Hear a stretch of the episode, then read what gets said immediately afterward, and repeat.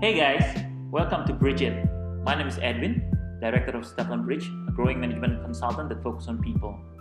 Bridge It is a podcast dedicated to learn, share, and discuss insight about leadership, development, and business from people point of view. Let's check it out. In this episode, we're going to talk about how to actually save time when you're working remotely. Halo Bridgers, selamat datang kembali di Bridge It Podcast. Seperti biasa, kalian akan ditemani oleh gue, Rifki Midianto, untuk membahas topik seru kita kali ini.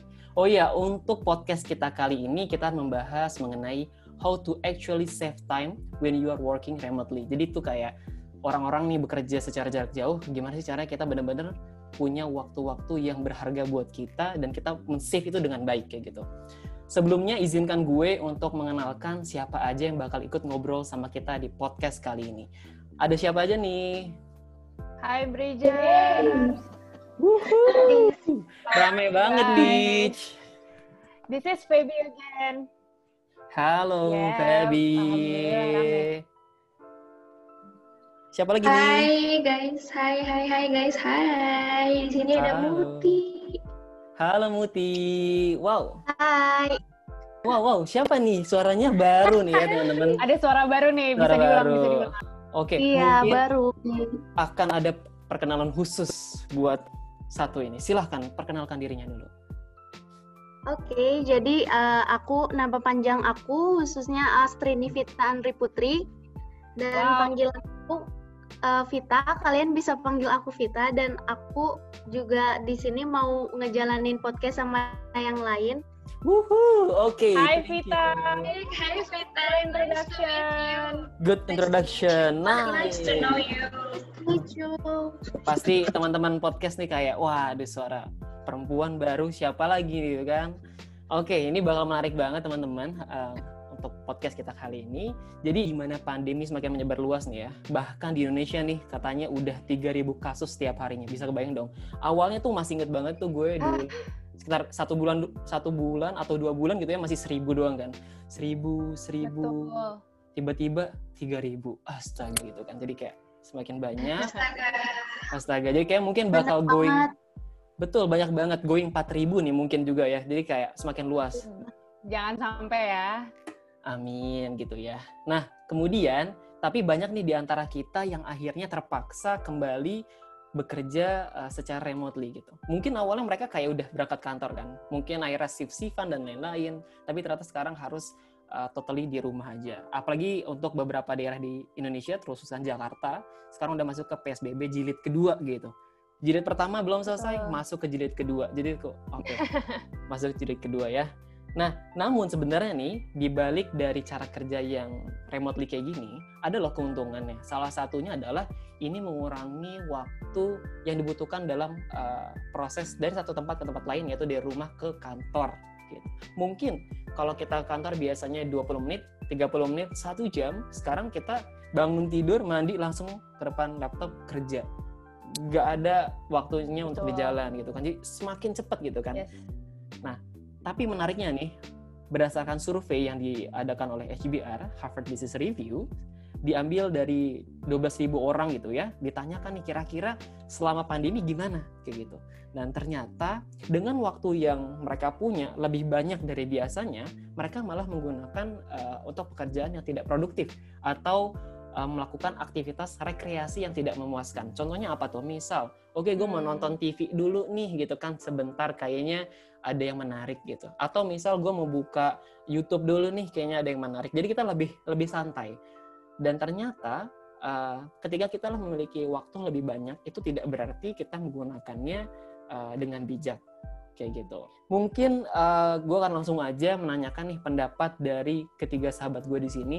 Eh, gue setuju banget sama yang Rifki sampaikan tadi. Eh, kalau ketika kita work remotely atau work from home, di satu sisi itu jadi apa ya?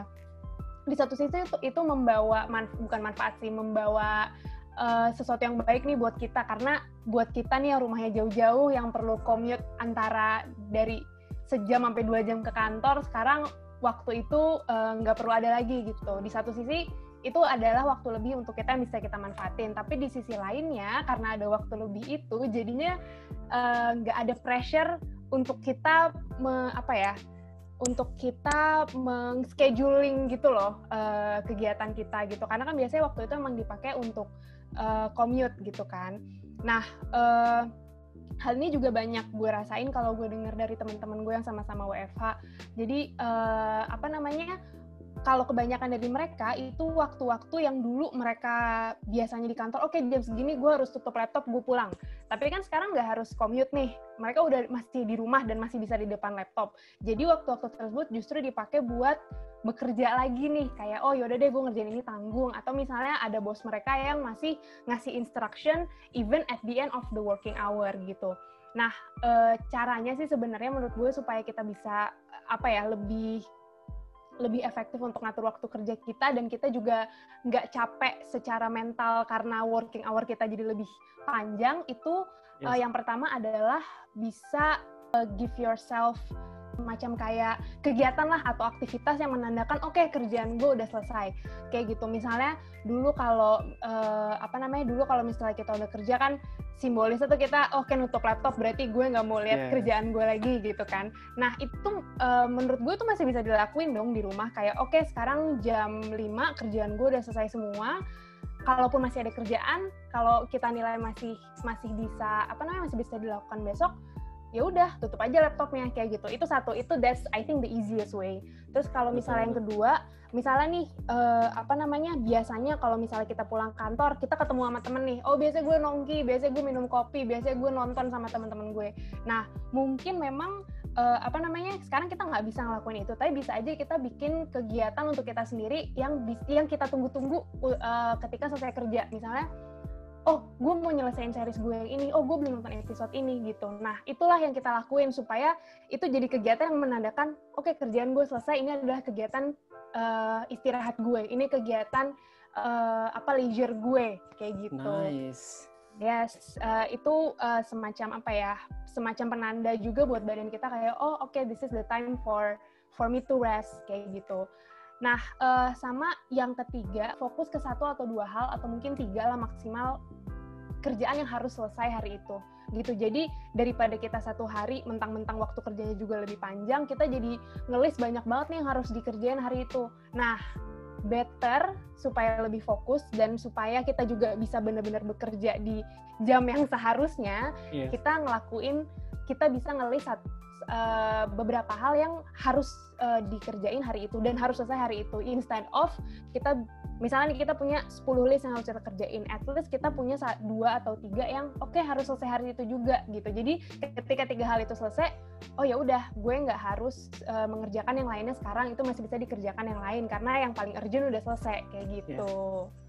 Yeah, yeah, nice, kalau dari gue gue setuju banget sih itu benar-benar karena hmm. uh, karena kalau misal kita ngomong tentang poin pertama tadi Phoebe sempat obrolin ya kayak give yourself mungkin gue bisa bilang ini sebuah reward reward kecil gitu ya nutup laptop Betul.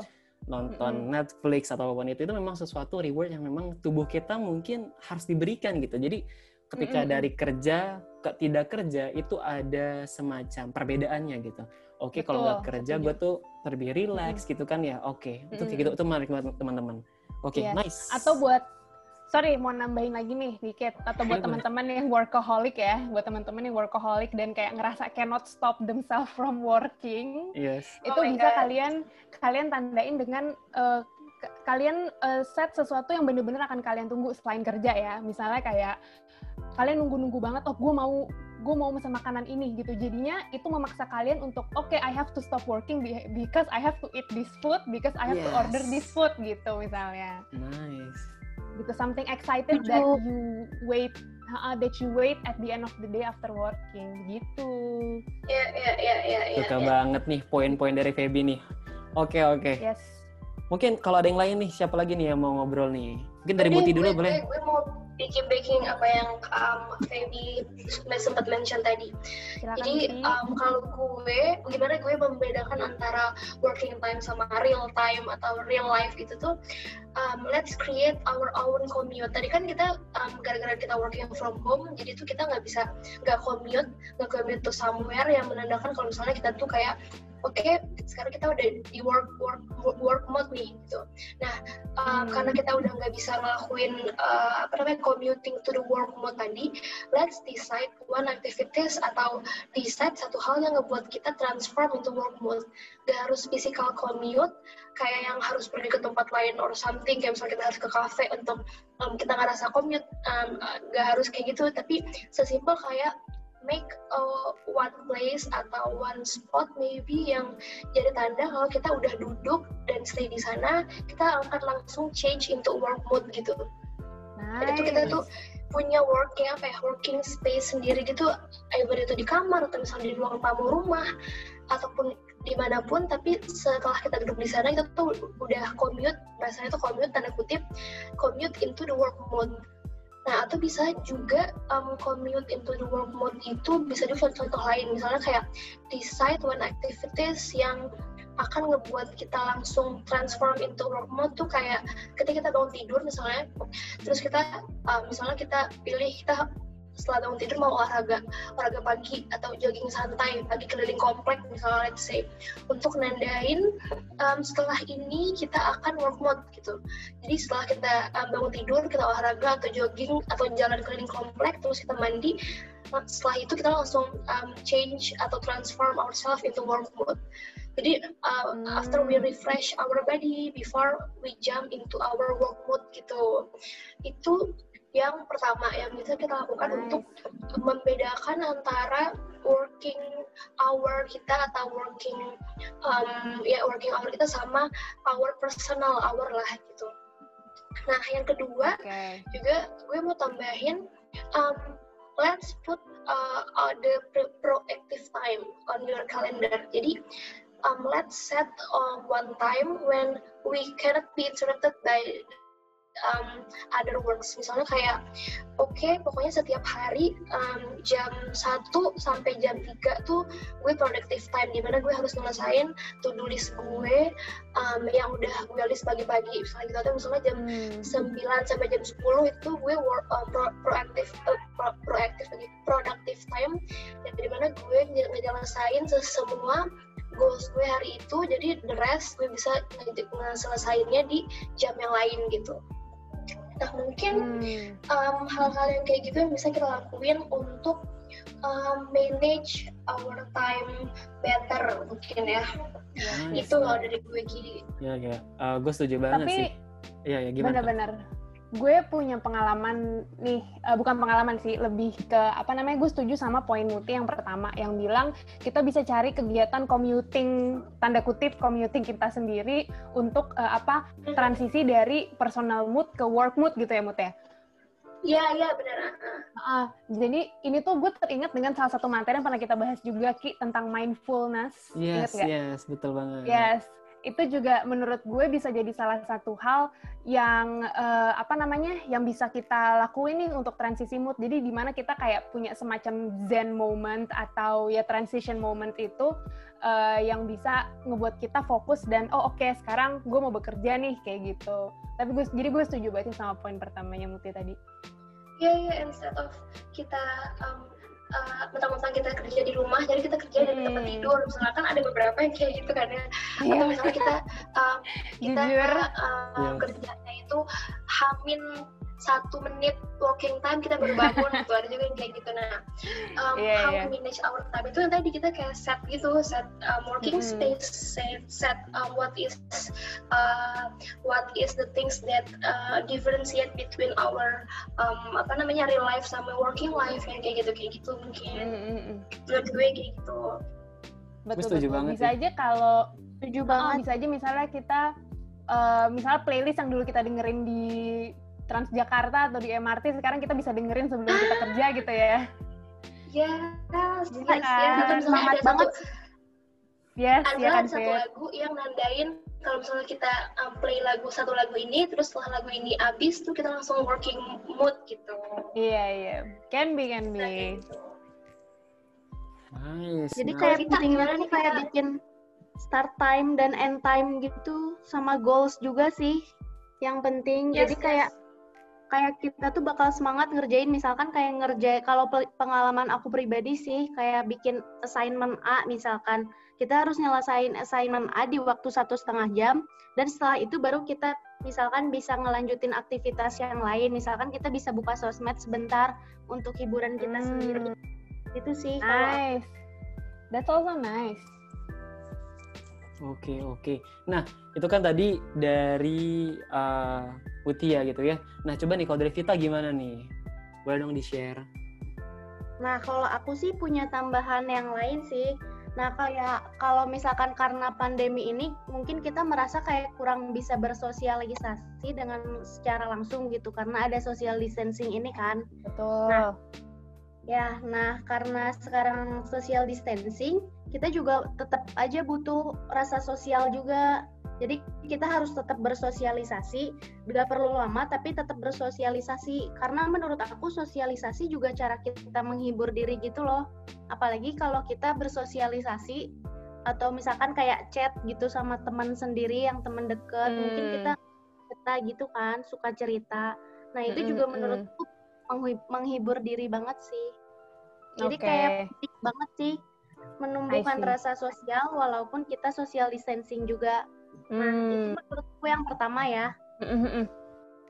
Kalau yang kedua sih, menurut aku yang penting, yang paling penting dari semuanya tuh ya time management kita sendiri. Jadi di balance Setuju. juga personal life sama working life. Jadi misalkan kayak beresin kerjaan dulu, baru bisa ke personal life. Mungkin kita setelah kerja, kita bisa buka sosmed, kita bisa nonton Netflix, dengerin lagu dan sebagainya. Jadi kayak kita tuh ke-trigger untuk ngerjain tugas dengan tepat waktu gitu. Jadi kita bisa melanjutkan personal life yang emang kita ingin lakuin benar-benar setelahnya. Hmm. Dan kita juga bisa kayak in the mood gitu loh. Nice. Nice. Bener-bener terutama buat Vita yang uh, apa namanya su suka nongkrong jadi jadi interaksi dengan teman-teman day to day penting ya. Iya benar. I see. karena sekarang social distancing sih, tapi ya tetap aja mm. butuh sosial itu sendiri sih. Betul. Biasanya ngapain tuh? Biasanya ngapain tuh? Vita? Contohnya Vita Biasanya ngapain Fit? What do you do? Ya, yeah, what do you do Fit? Kalau aku sendiri sih paling ya chat sama teman-teman kita jogging hmm. gitu, nge-share penting. Gitu sih. Iya, iya. Kalau gue biasanya ngirim stupid memes ke grup teman-teman gue. oh, atau ngirimin stiker-stiker aneh gitu. berarti prefer ngechat ya teman-teman di sini. Kalau gue lebih lebih lebih nyaman langsung telepon masa kalau gue telepon juga call, gitu. ah, ah, ah ngerti ngerti. Ya kan? Yes bener sih. Kayaknya tergantung apa social needs masing-masing juga kan ya. Apakah memang iya, mereka ya, kalau lagi butuh banget bisa telepon, kalau misalnya chat masih oke, okay, through chat juga bisa ya. Iya, iya, benar-benar benar So, gue mau nambahin satu sih nih. Kita kan ini kan kita ngomongin tentang time management or time management kita masing-masing kan. Karena kita sekarang udah lebih lebih challenging dalam memisahkan personal life dan work life nih karena kita kerja Betul. di rumah gitu kan. Jadi kita tuh kayak ngebawa kantor, kita nih WFH, work from home, atau ya kita simply ngebawa kerjaan, ngebawa kantor ke rumah gitu kan. Nah, jadi uh, ini mungkin uh, mungkin buat kita yang masih single, yang masih sendiri, yang belum punya apa tanggung jawab macam-macam, it's probably easy ya. Gue pengen menambahkan untuk teman-teman yang mungkin sudah berkeluarga, udah punya tanggung jawab, misalnya either ngirit ngurus anak atau ngurus suami, ngurus rumah gitu kan. Hmm. Itu mungkin um, salah satu saran gue dari beberapa yang udah kita bahas tadi itu mungkin bisa dengan uh, giving list of priority sama uh, itu tadi gue bilang kita bikin to do uh, betul bukan to do list list. Jadi yang harus selesai hari itu apa? Jadi ya udah nggak apa-apa. Misalnya dalam sehari itu uh, apa namanya pindah-pindah. Misalnya bis, ntar depan laptop ntar ngurus anak ntar harus masak ntar harus ngapain gitu nggak apa-apa. As long as pokoknya hari ini gue harus selesai ini gitu. Dan dengan kayak gitu kan meskipun time managementnya lebih fleksibel tapi uh, at the end uh, kerjaannya tetap selesai gitu Yes, yes, yes. Kalau yang kalau di sini yang single masih empat ya kak, tapi ini suruh lebih tiga nggak? Maksudnya apa nih? Bentar wow. lagi. Anyway, anyway, anyway, kembali ke Rifki. Oke, oke, oke, nice. Luar biasa.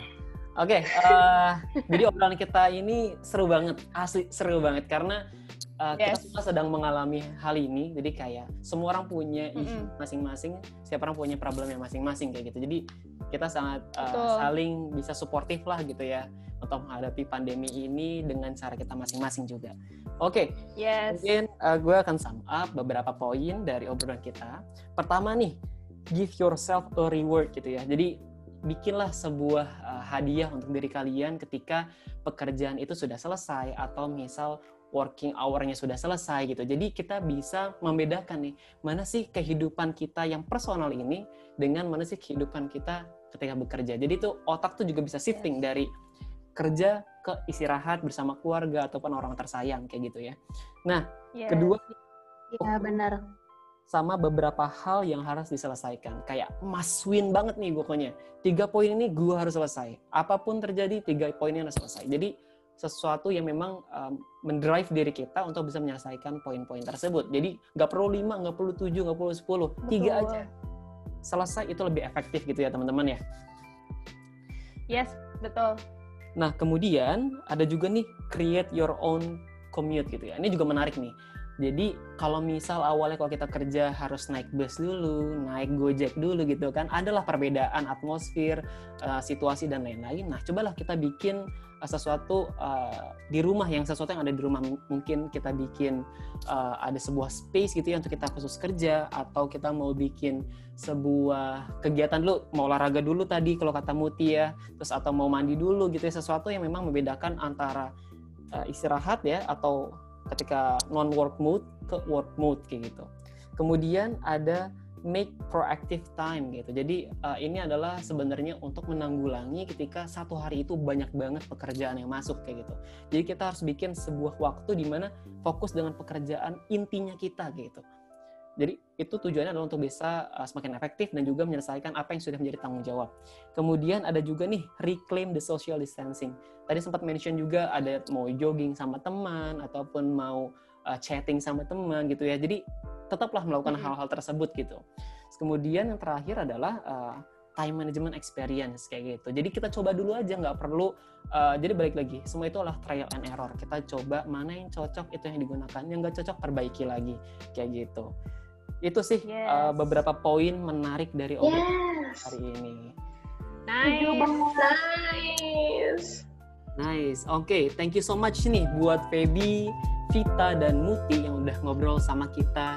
Seru banget gitu ya. Semoga berkah dan semua orang bisa mendapatkan inti sarinya. Yes. Thanks yeah. for having us. Thanks thank for listening you. also.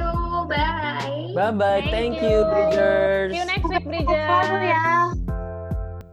Don't forget to listen to our podcast every Wednesday on Spotify, Apple Podcasts, and Google Podcasts. Visit our website at stevlinbridge.com. For any inquiries, please email to contact at stevlinbridge.com.